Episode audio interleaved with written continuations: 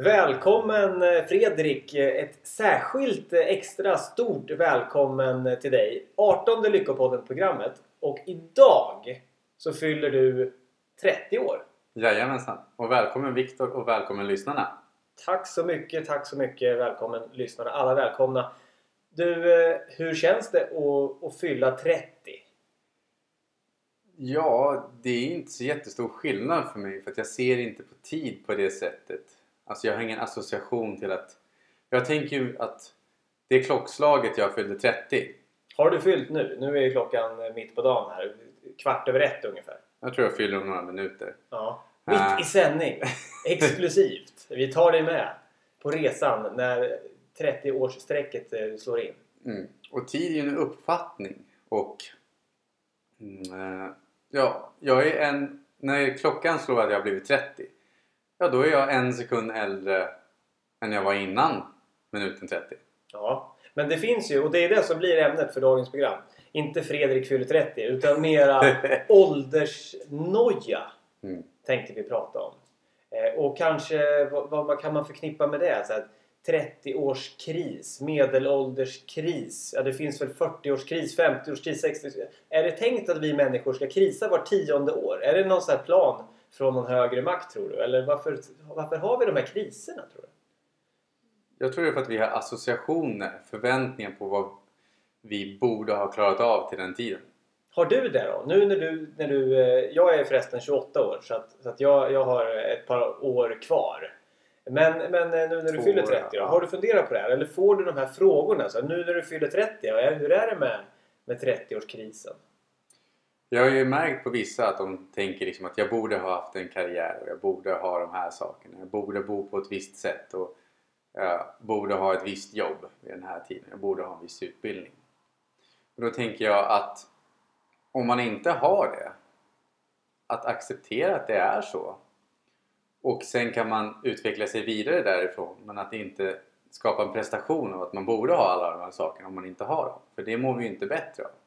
Men skulle man kunna säga då om, om dagens program handlar om eh, åldersnoja eller olika kriser, sen om det är 20 år, 30 års eller 27,5 års kris eller vad det nu kan vara, det spelar inte så stor roll. Men vad är då exempelvis en 30-årskris? Ska vi försöka bena ut det? Om man tycker att man har en 30-årskris, varför tycker man att man har en 30-årskris? Är det kanske som du är inne på, att det finns en förväntan på vart man inom citationstecken borde vara vid, vid en viss tid i livet? Och så stämmer man av det med vart man är idag. Om man får tillräckligt många check på listan, då har man inte kris. Om man har tillräckligt många luckor icke-färdiga, mm. ocheckade, tomrum, då har man kris. Kan, det vara så? Eller har du någon det annan definition? Det ligger någonting i det. Uh, men jag ser också som att även titta på vems förväntningar har vi på alla de här borden? Att, ja, jag tror det kan ligga mycket i jämförelse. Att jämföra med andra som är i liknande ålder. Och att det är lätt hänt för vissa i alla fall att de då tittar på de som uppnått bäst resultat men jämför inte med de runt omkring som kanske är på samma nivå. Vissa människor, när man jämför, jämför ju inte med folks, andra människors sämsta sidor utan det är mer så här, man jämför med vad de har lyckats med och missar vad de inte har gjort. Men då kanske de här kriserna är jämförelsekriser. Är det det som är ingrediensen? Alltså vad man än jämför med. Man kan jämföra med vad man tycker att man själv skulle ha uppnått. Mm. Och sen är frågan var man har fått de bilderna från. Någonstans har man ju fått idén om så här mm. mycket borde jag ha gjort. Eh, eller så jämför man med någon annan. Den här personen, min bror eller min kompis eller någon kändis har gjort så här mycket. Mm. Och vart har jag kommit? Mm. Bara för att, för att bena ut i begreppet. Går det att ha en, en, en sån här ålderskris, typ 30-årskris, om man inte jämför? Ja, du kan ju jämföra med dig själv också. Ja, men det är också en jämförelse. Det är också en jämförelse. Tänk om det är så att jämförelse, just att vi jämför, eh, skapar krisen. Jag tror det. Och att många lägger en belämning att ja, men det är ju 10 års födelsedag. Då ska det ju vara något så extra. Ja. Och då kan jag ibland reflektera över vad är det här lilla, vad är det här stora eller lilla, vad nu folk väljer. Vad är det här extra och varför måste det vara när det är jämna siffror? Just det. Och, ja, men när vi fyller år, det är olika förstås hur mycket man väljer att fira en födelsedag och hur mycket man uppmärksammar det. Men då kommer ju de här frågorna. Om jag fyller jämnt, då kommer jag på något sätt förmodligen bli uppmärksammad. Oavsett om jag väljer att ha en stor fest eller om jag bara, bara fyller år i enkelhet så kommer ju alla som vet att jag fyller jämnt ändå eh, fråga lite så här, men hur känns som jag gjorde nu? Precis som Mm. jag gjorde och det var inte planerat liksom. Men det är ju den normala frågan. Hur känns det att fylla 30 då? Det, blir, det ligger ju någon sorts förväntan i det här. Man driver kanske också om ja, men nu är du gammal vet du eller folk som blir pensionärer eller sådär. Ja, men jag, jag, jag reagerar ju inte på den frågan. För att när folk frågar hur känns det att bli 30 så brukar jag tänka ja, jag är en minut äldre än ja, innan. Eller jag är en dag äldre än igår. Mm. Så att det är ju inte så att man är 29 och sen snabbspolas 365 dagar. Liksom så pop, säger man, vaknar man dagen efter man är 29 och bara helt plötsligt är man 30. Bara, Shit, vad hände? Det är inte så att ett år har försvunnit. Liksom. Utan jag har ju genomlevt det året och det är det jag syftar på att jag inte är jag är ju bara ganska kort tid äldre än innan. Så du menar att, att livet pågår alltså mellan födelsedagarna också? Ja, det gör ju det! för, ja, för mig i alla fall gör det det. ja, jo, men jag är nog beredd att, beredd att hålla med där, där också. Men, men jag tänker att det är så med alla förändringar. Vi, vi, I efterhand så, så kan man ofta se tillbaka på stora händelser eller så här.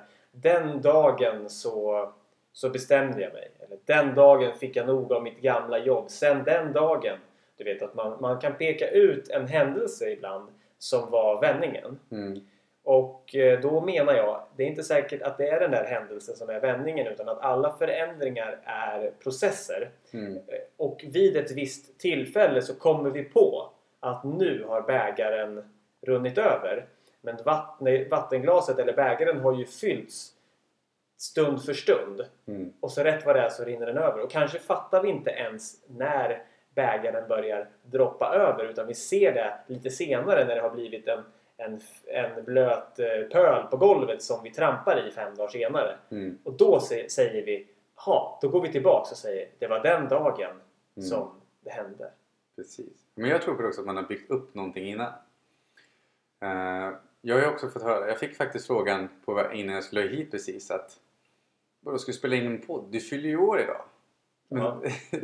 men samtidigt så, det jag gör just nu och det var en av anledningarna till att vi startade podden var att jag vill göra någonting jag älskar. Jag älskar ju att prata om personlig utveckling och medvetenhet. Så därför är det så här, ja, självklart, om inte på min födelsedag, vilken annan dag skulle jag fira med att göra en podd liksom? Mm. att vad vi har att om vi bygger upp en livsstil som vi älskar och det behöver inte vara speciella saker utan här har jag, jag tror jag har tipsat om det tidigare men jag kan göra det igen är att skriva ner på en lapp vad gör du idag när du är ledig?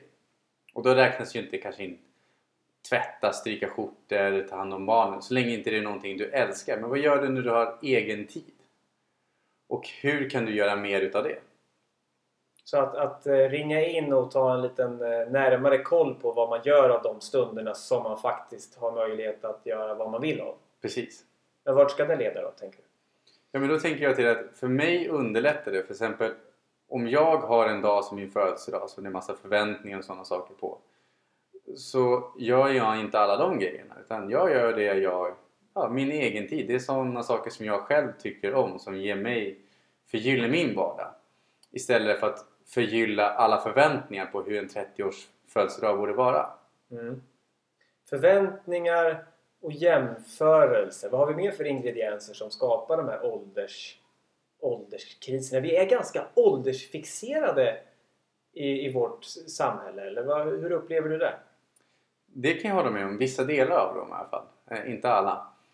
Eh, och här brukar jag tänka att jag har träffat människor som är ja, 15 år. Där de i sitt huvud har gått i pension redan. Det är, liksom, det är över.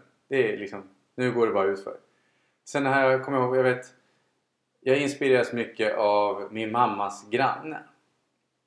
När han var 87 då fick han för sig att han skulle starta eget. Och han fick igång så han jobbade på. Nu är han över 90 och han har haft fler, jobbat med flera anställda. Liksom. Vad, vad var det han fick? Vad började han med? Eh, nu kommer jag inte ihåg. Jag kommer inte ihåg om det var städningen och sådana saker. Men jag tyckte bara det var cool idé. 87 år liksom. Bara, nej, jag ska nog starta eget. Liksom. Mm. Och en annan granne till henne också. Jag tror han är runt 70. Du vet, han är ju mer vältränad än jag är. Och går oftare på gymmet. Så mycket sitter ju i sinnet och vad vi gör. Jag pratade med en kille som eh, heter Mattias Ribbing inom min, som är expert inom minnesträning också. Och han berättade att till exempel förutsättningarna för att ha ett bättre minne och att kunna komma ihåg saker blir faktiskt bättre ju äldre man blir för man har fler associationer. Däremot beror det på vad underhåller man sig själv med. Sitter man på ett ålderdomshem och tittar på orangea tapeter och tänker det är över nu. Då får ju inte hjärnan någon stimulans. Och det är på så vis man uppfattar att minnet blir värre. Ja, just det. Det finns egentligen ingen... Eh, det måste inte vara så att vi monterar ner vår mentala kapacitet när vi blir äldre helt enkelt. Ja precis, man kan ju få sjukdomar och sådana saker ändå Ja. som påverkar. Men, alltså, Men det handlar om att, att hålla igång systemet. Systemet kan funka långt in i, långt in i ålderdomen Mm. om vi håller det igång. Mm. Men om vi slutar att gå ut, om vi slutar att snacka med folk, om vi slutar att gymnastisera våra Mm. hjärnor. Då kommer de liksom korka igen om man ska göra det enkelt. Mm. Så ålder överhuvudtaget är ju väldigt relativt. Eh, Jag, jag har alltid varit lite skeptisk till att bli bedömd utifrån min ålder. Eh, men det är både positivt och negativt för, för jag har också använt det där och, och känt någon sorts boost av att men du som, du som är så ung, har du redan gjort det här? Eller vad det kan vara. Jag började jobba som, eh, som journalist på en liten tidning i, i Örebro när jag var typ 16. gjorde jag väl mina betalda första jobb sådär. Och sen så började jag på nästa lite större tidning och var fortfarande kanske 17 och det var ju det var ju kul. Man nästan önskade att folk skulle fråga så här, hur, hur gammal är du då? Så bara, ja men jag är bara 17 eller, eller 18 och var på Dagens Nyheter när jag var om jag var 18 då kanske. Och det tror jag var det yngsta som, som någon hade varit där på sporten. Eller så, här. och då tycker man ju att det är kul att vara ung och få överraska andra. För, för så, här, så här långt har jag kommit i den här åldern. Mm. Och sen i något annat sammanhang då vill man vara äldre. Man skulle vilja liksom träffa någon äldre tjej och, och någon frågar hur gammal är du? Och så man visste bara att okej, den här personen är just nu intresserad av mig. Ja, Och den här personen har bedömt mig utifrån eh, vem jag är och vilket intryck jag har gjort. ja. Men om en minut då kommer jag ha talat om hur gammal jag är på riktigt. Och då ligger jag inte lika bra till längre. Har du kört det någon gång? Ja. Och då blir det tydligt liksom att, att det här med åldern eh, någon persons bedömning av mig så här, den här killen känns, känns så här. Det är ju det riktiga intrycket. Och Men sen kommer jag och säger hur gammal jag är. Och då, om den personen då ändrar sitt intryck då är man ju alltså fast vid en bild av hur man borde vara vid en viss ålder. Men om du oroar dig för det, då är ju din förväntan av vad den andra personen kommer tänka. Ja, jo det är nog sant. Eh, i, idag bryr jag mig inte lika mycket om det men, men så här har jag tänkt då. Eh, och åldern var viktigare för mig då. Så det är precis som du säger. Eftersom det var viktigt för mig så brydde jag mig om och förväntade mig också att de skulle tycka att det var viktigt. Mm. Eh, och när vi är yngre så är ju en, en åldersskillnad att vara fyra eller fem år är ganska stor skillnad. Och att vara 18 eller 20 kanske, kanske också är en ganska stor skillnad. Men sen suddas ju det där ut mer och mer. Jag Mm. vet också att jag hade jag skrev, eh, skrev krönikor tidigt och hade en blogg och sen skrev jag i olika, i olika tidningar också. Och då vet jag att jag, jag tror att det var i 15 års ålder någonstans så skrev jag om att det, det liksom gick upp för mig att, att vuxna människor inte alls behövde veta mer om saker eller ha någon sorts koll bara för att de var vuxna. Det var som lyssna på de äldre. Ja, vuxenvärlden. Det var som att jag hade avslöjat, om inte annat för mig själv, att människor behöver inte alls vara så att säga klokare för att de är äldre. Eller har mer erfarenhet. Precis. Man behöver inte ens ha mer erfarenhet. Ja, för att jag har träffat människor, jag brukar jämföra så här. När en person säger jag har 20 års erfarenhet. Så brukar jag jämföra med vad har de gjort under de här 20 åren? För är det så att de har gjort, gjort en sak, sen har de aldrig gjort något annat. Och så har de gjort samma sak om och om igen i 20 år. Då har de ett års erfarenhet 20 gånger. Just det. Så det, ja, och, och den, här, den största turbon som jag ser det för att öka sin erfarenhet. Då skulle man faktiskt kunna säga att man ökar, man ökar sin ålder på ett sätt. Alltså vi, vi pratar ju ofta om, om närvaro, att veta vad man gör och självmedvetenhet. Mm. Och eh, det, det, hur det går att mäta vet jag inte ens. Men det var, det var en kille som sa att eh, 10% ungefär av, av den tiden vi är vakna så är vi medvetna om vad vi gör. Vi är helt närvarande i stunden i det vi gör. Vi tänker inte på något som, som har hänt och vi tänker inte på något framåt utan vi är här och nu. Ungefär 10% av tiden. Som, är, som vi är medvetet medvetna.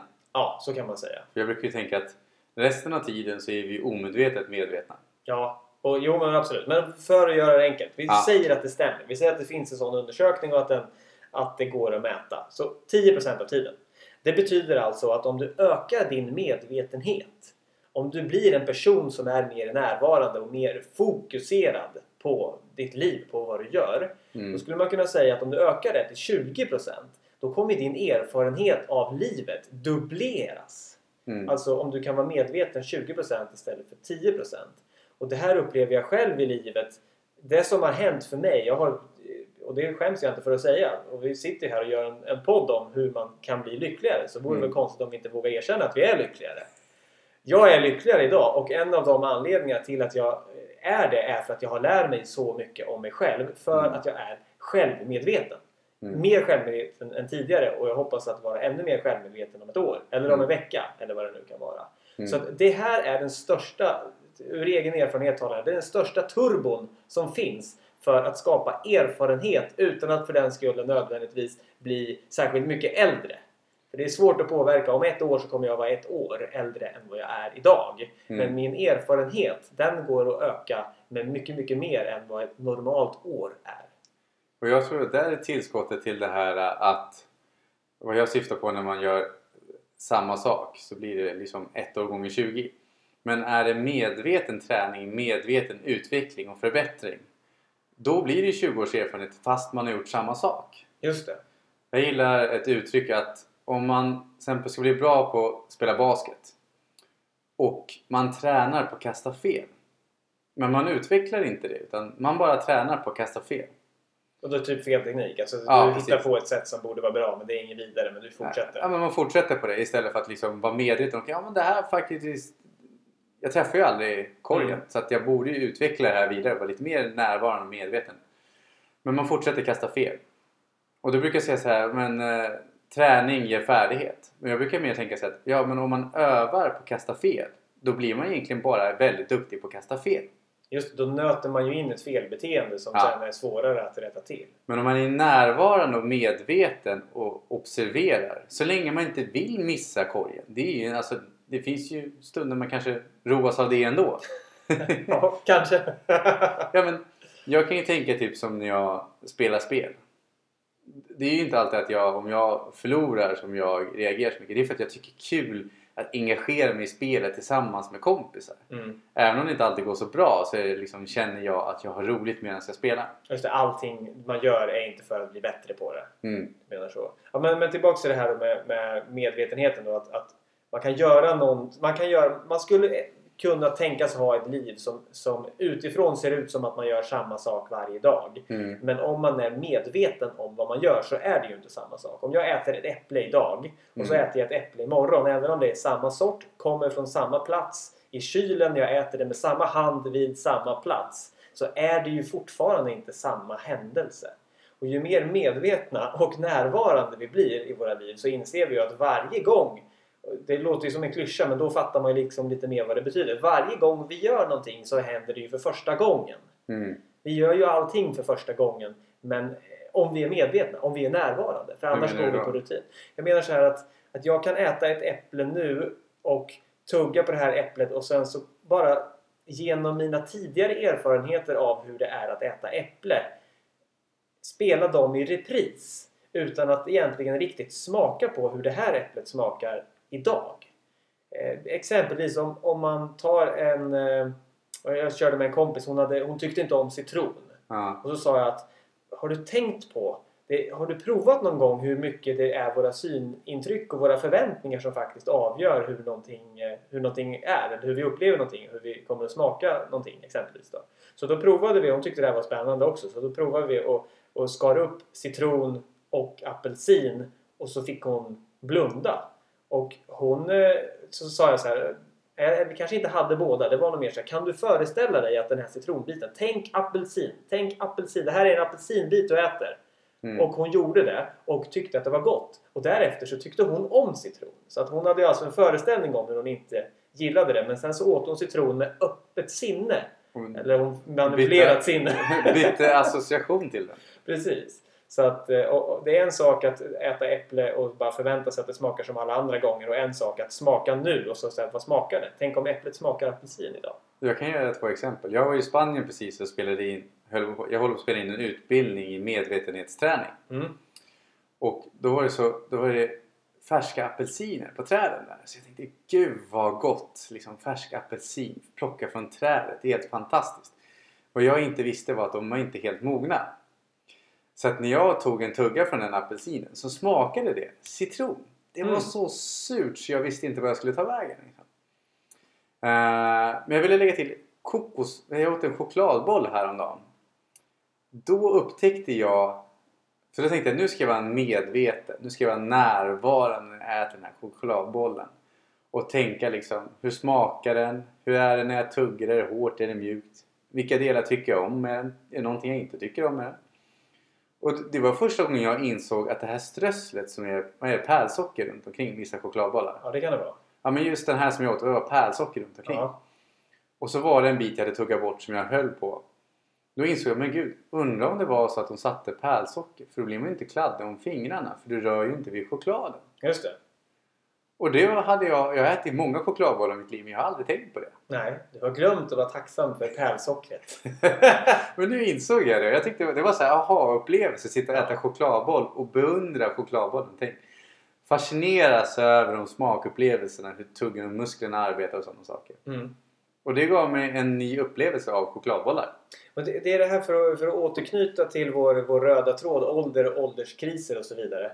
Så vi kanske kommer fram till, eller jag är inne på det i alla fall, att, att ålder är ganska oviktigt. Eller det säger inte särskilt mycket. Det kan snarare vara, vara förvillande. Och då om, om jag istället skulle lansera att, att vi bedömer vår erfarenhet eller utifrån hur medvetna vi är.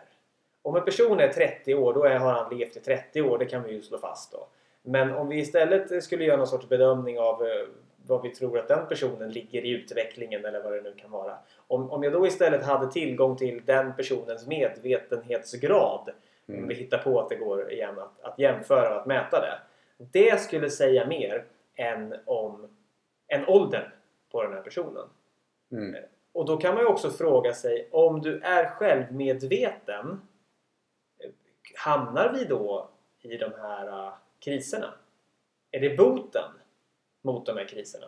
Jag skulle säga att det är en del av nycklarna. Eh, två av sakerna som, som jag arbetar på inom utbildningssajten jag håller på med just nu. Jag har delat upp det i två kategorier. Ena är att vara självmedveten och den andra är att vara i linje med sig själv och sina passioner. Det är de två nycklarna jag har delat upp det i. Sen kanske det finns ännu fler kategorier. Men för om jag är självmedveten och observerar mina känslor och sådana saker eh, då är det mycket lättare för mig att hantera livet. Att observera sina tankar och sina känslor är utan att döma dem.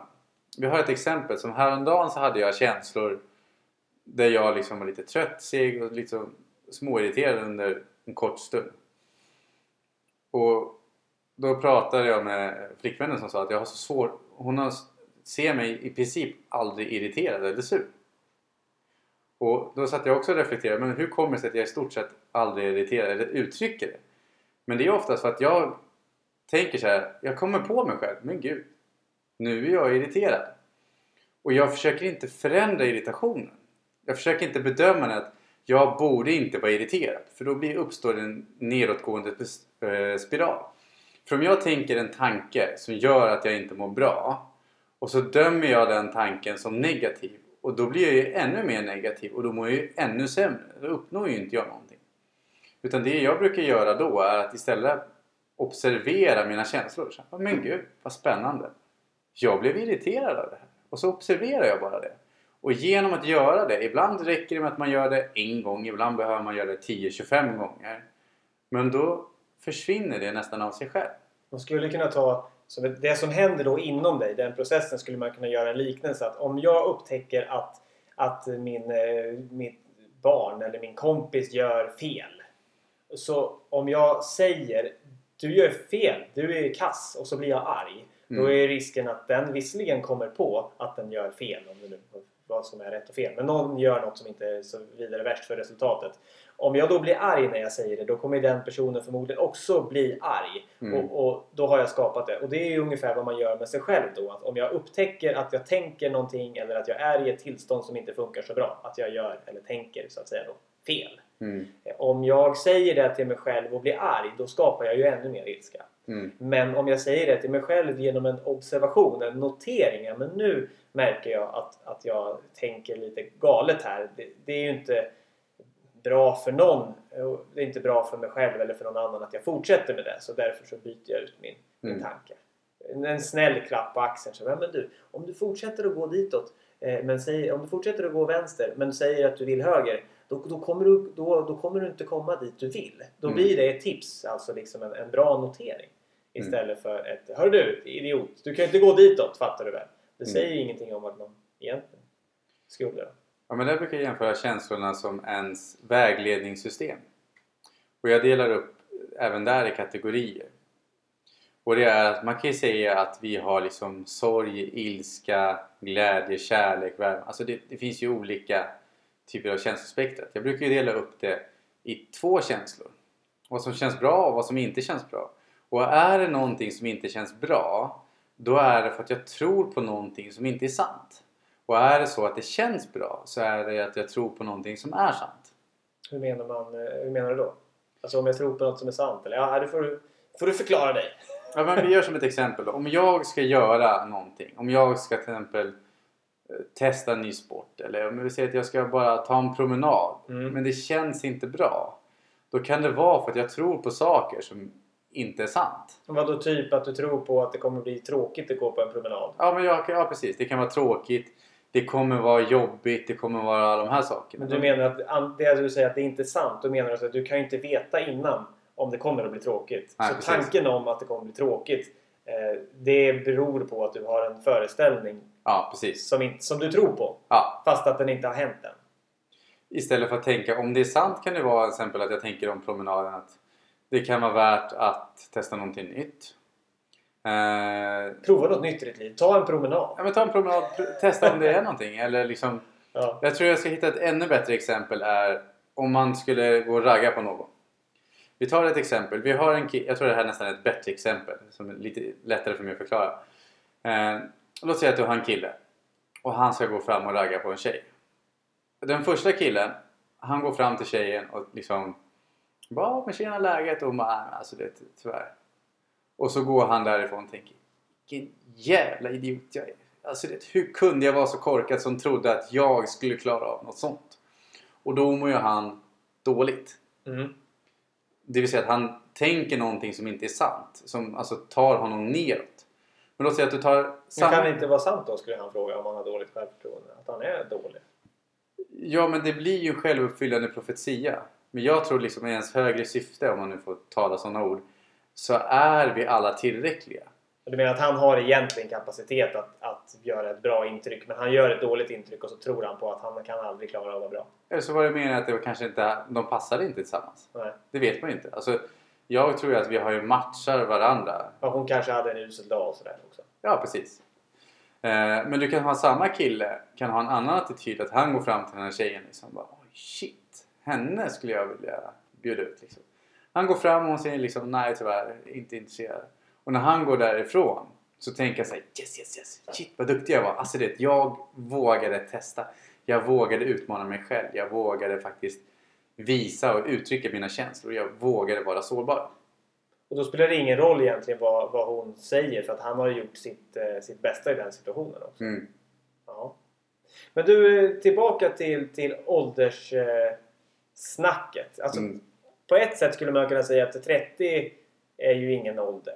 Då kanske någon som lyssnar nu som är, som är betydligt äldre än 30 och så pratar de om så här, men vad- 30-årskris. Snacka inte! Jag är ju snart, eh, snart 65 liksom. Mm. Tror du att det, att det blir värre eller eh, tror du? Jag tror. Eh, säger så då. Vad, vad tänker du om det? Jag tror att ålderskriser är någonting som vi inte alls behöver ha. Eh, om vi istället försöker hänga med ja, även mellan födelsedagarna och även mellan de jämna födelsedagarna och se på oss själva så behöver det inte komma som en stor överraskning. Och vi kan också se vad som händer.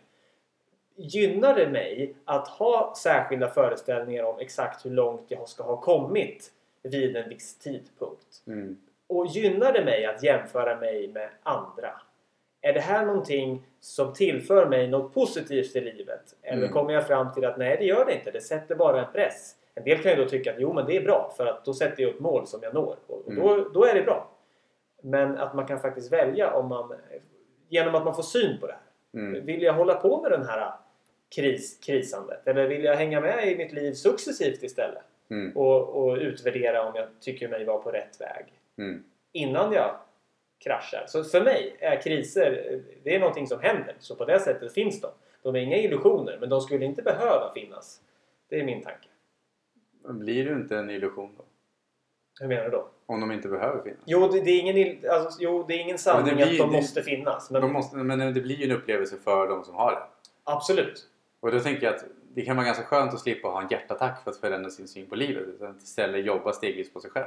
Exakt. Eh, Men det är precis det som är min poäng. Att, att vi kan genom att ha en medvetenhet här och nu och eh, lite då och då, alltså att inte bara var tionde år stämma av hur långt vi har kommit i livet, Mm. eh, så kan vi, så kan vi undvika Mm. de här, de här kriserna. Ja men det tror jag på. En jämförelse brukar jag göra. Nu jämför jag men det brukar vara att jag har ju träffat människor som är ja, 15 år som tycker liksom att det finns inte så stor poäng med livet. Och jag har träffat människor som är 20, 30, liksom 40, 50, 60, 70, 80, 90. eh, Undra. Ja, 100 till och med också. Jag tror det är 100, eh, 103 eller fy- 104. Någon sak samma. Där jag har träffat personer som den här kvinnan som var 100, kommer inte ihåg. Sak samma hon var 103 eller 104. Hon var över 100 i alla fall. Hon var ju jättelycklig hon var väldigt medveten också. Eh, sen vet jag inte om det är en garanti att för att man är medveten behöver man lycklig. Men jag tror att det kan vara ett bra recept att ha med det i sitt liv. Mm. Eh, Men om det finns människor som är 20, 30, 40, 50, 60, 70, 80, 100 som är lyckliga och lika väl finns det folk som har kriser 50, 60, 70, 80, 100 Mm. eh, som är olyckliga. Då är det fortfarande ett bevis att det går att ändra på. Alltså det finns, alltså bara för att visa att det finns en drivkraft till att det går att utveckla. Även om du kanske inte känner så, eh, alltså du som lyssnar känner så idag så finns det ju en möjlighet att förbättra eftersom som andra har gjort det. Och att ta ut segern i förskott. För det var en bekant som var, jag tror hon var typ 52 när hon var, började tänka sig ja, nej det, det, är liksom, det, det är över nu. Nu går det bara ut för. Och du vet, det är, ing, det är ingen idé att hitta på någonting längre för att jag är ju för gammal. Och det, iron, det dumma eller ironin, jag vet inte vad man ska kalla det hela, var att så sa hon varje år. Du vet när hon var 53, 54, jag tror hon blev... Hon höll på i 22 år och sa det finns ingen tid att göra någonting nu. Så att just det här att ta ut segern först och våga prova nya saker. Tänk, istället för att tänka jag är för gammal eller jag är för ung. Tänka men vad kan jag göra av det jag vill? Oavsett om det... För tiden kommer ju passera oavsett. Så varför inte se till att förverkliga sitt mål eller sin dröm ändå?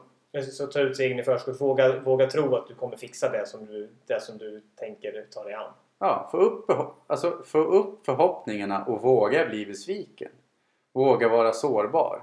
För om man inte ens försöker så kommer det ju absolut inte gå. Nej, det är oftast det vi ångrar när vi, när vi inte ens försöker helt enkelt. Men sen, eh, ja men jag säger då att vi skulle inte behöva de här ålderskriserna. Men, men å andra sidan, när de väl kommer och Mm. om vi väl är i dem så efteråt så en kris kan ju också vara det, fantastiskt, eh, ett fantastiskt tillfälle att faktiskt komma på rätt kurs igen. Så att om man nu sitter här och, och jag dömer ut kriser så vill jag slå ett slag för att kriser är också fantastiska eh, vändpunktsmöjligheter i livet. För när du har en kris, du kan ju inte fortsätta ha kris ett helt liv. Någonstans så vänder det ju och det är det som krisen plockar fram i oss. Att jag står mm. inte ut och har det så här längre så jag måste göra någonting och till slut så händer ju det. Och då kommer vi ju ur mm. krisen, mm. hur, hur, hur lång den än är. Jag dömer ju inte folks vad heter det, kriser utan folk får ha kriser hur de vill. Uh, för det är en del av deras livsupplevelse vad de behöver. Det hjälpte mig mycket. Det var faktiskt första insikten när jag var på Bali. Så var det liksom på en kurs en gång. Så hade de olika hotellrum och varje hotellrum hade en gud som symbol. Då. Och det intressanta var att rummet bredvid mig som någon annan hade det var en krigsgud. Och då tänkte jag från början, jag var tvungen att fråga hur kommer det sig att ni vill ha en gud för krig? Det låter ju lite så här galet. Men det var symbolen för på För att låt säga så här att om du har haft någon kris, ett krig eller någonting som verkligen dragit undan mattan för allt som finns. Då är det symbolen hos dem, i alla fall där jag var, för på nyttfödelse, för att börja påbörja något nytt, en ny era i sitt liv. Och det betyder inte att man behöver dö. Men kanske den epoken i ens liv har gjort sitt avstamp så att man nu kan gå vidare i nästa. Det är lite som att man läser en bok. Det kanske inte är så kul att läsa kapitel 1 om och om, om, om igen och aldrig fortsätta. Men om man hoppar från kapitel 1 till 8 då kanske man inte förstår mellantinget heller. Nej, och när boken är slut så är den boken död och då finns det plats för att börja läsa en ny. As Askan är den bästa jorden tror jag artisten Markus Krunegård sjunger i någon, någon låt. Jag, inte, jag, vet inte ens vem det är som artist. Men... Det behövs inte. Men det, han uttrycker det bra tycker jag. men du, kanske att, eh, att vi börjar runda av det här programmet. Vi säger ofta det, börjar runda av, så pratar vi så himla länge till. Vi kanske ska begrava det här programmet nu för att göra plats för, för tankar och reflektioner hos våra Och på nyttfödelse. Och på nyttfödelse. Så att vi kan komma tillbaks nästa vecka igen. Lite äldre. Men mm. hur mycket mer erfarenhet vi har när vi sitter här nästa vecka det har inte så mycket med att göra hur många dagar som kommer passera till nästa söndag. Mm. Det har mer att göra med hur närvarande och medvetna vi är och hur vi tar vara på den tiden som sker fram till nästa söndag. Ja, och med det får jag tacka för det här programmet och önska er en fantastisk vecka. Tack och återigen ett grattis. Och sen en liten, liten så här notering. Vi spelar ju faktiskt idag in det här eh, på, på lördagen. Så du, när det här går i, imorgon så fyller du år igår. Vi bara säger det för ärlighetens skull. Det är 9 april för att förtydliga. Ja, så om någon känner dig så behöver de inte känna att de har missat din födelsedag. eh, tack och hej! Tack och hej! Ha det gott! hej.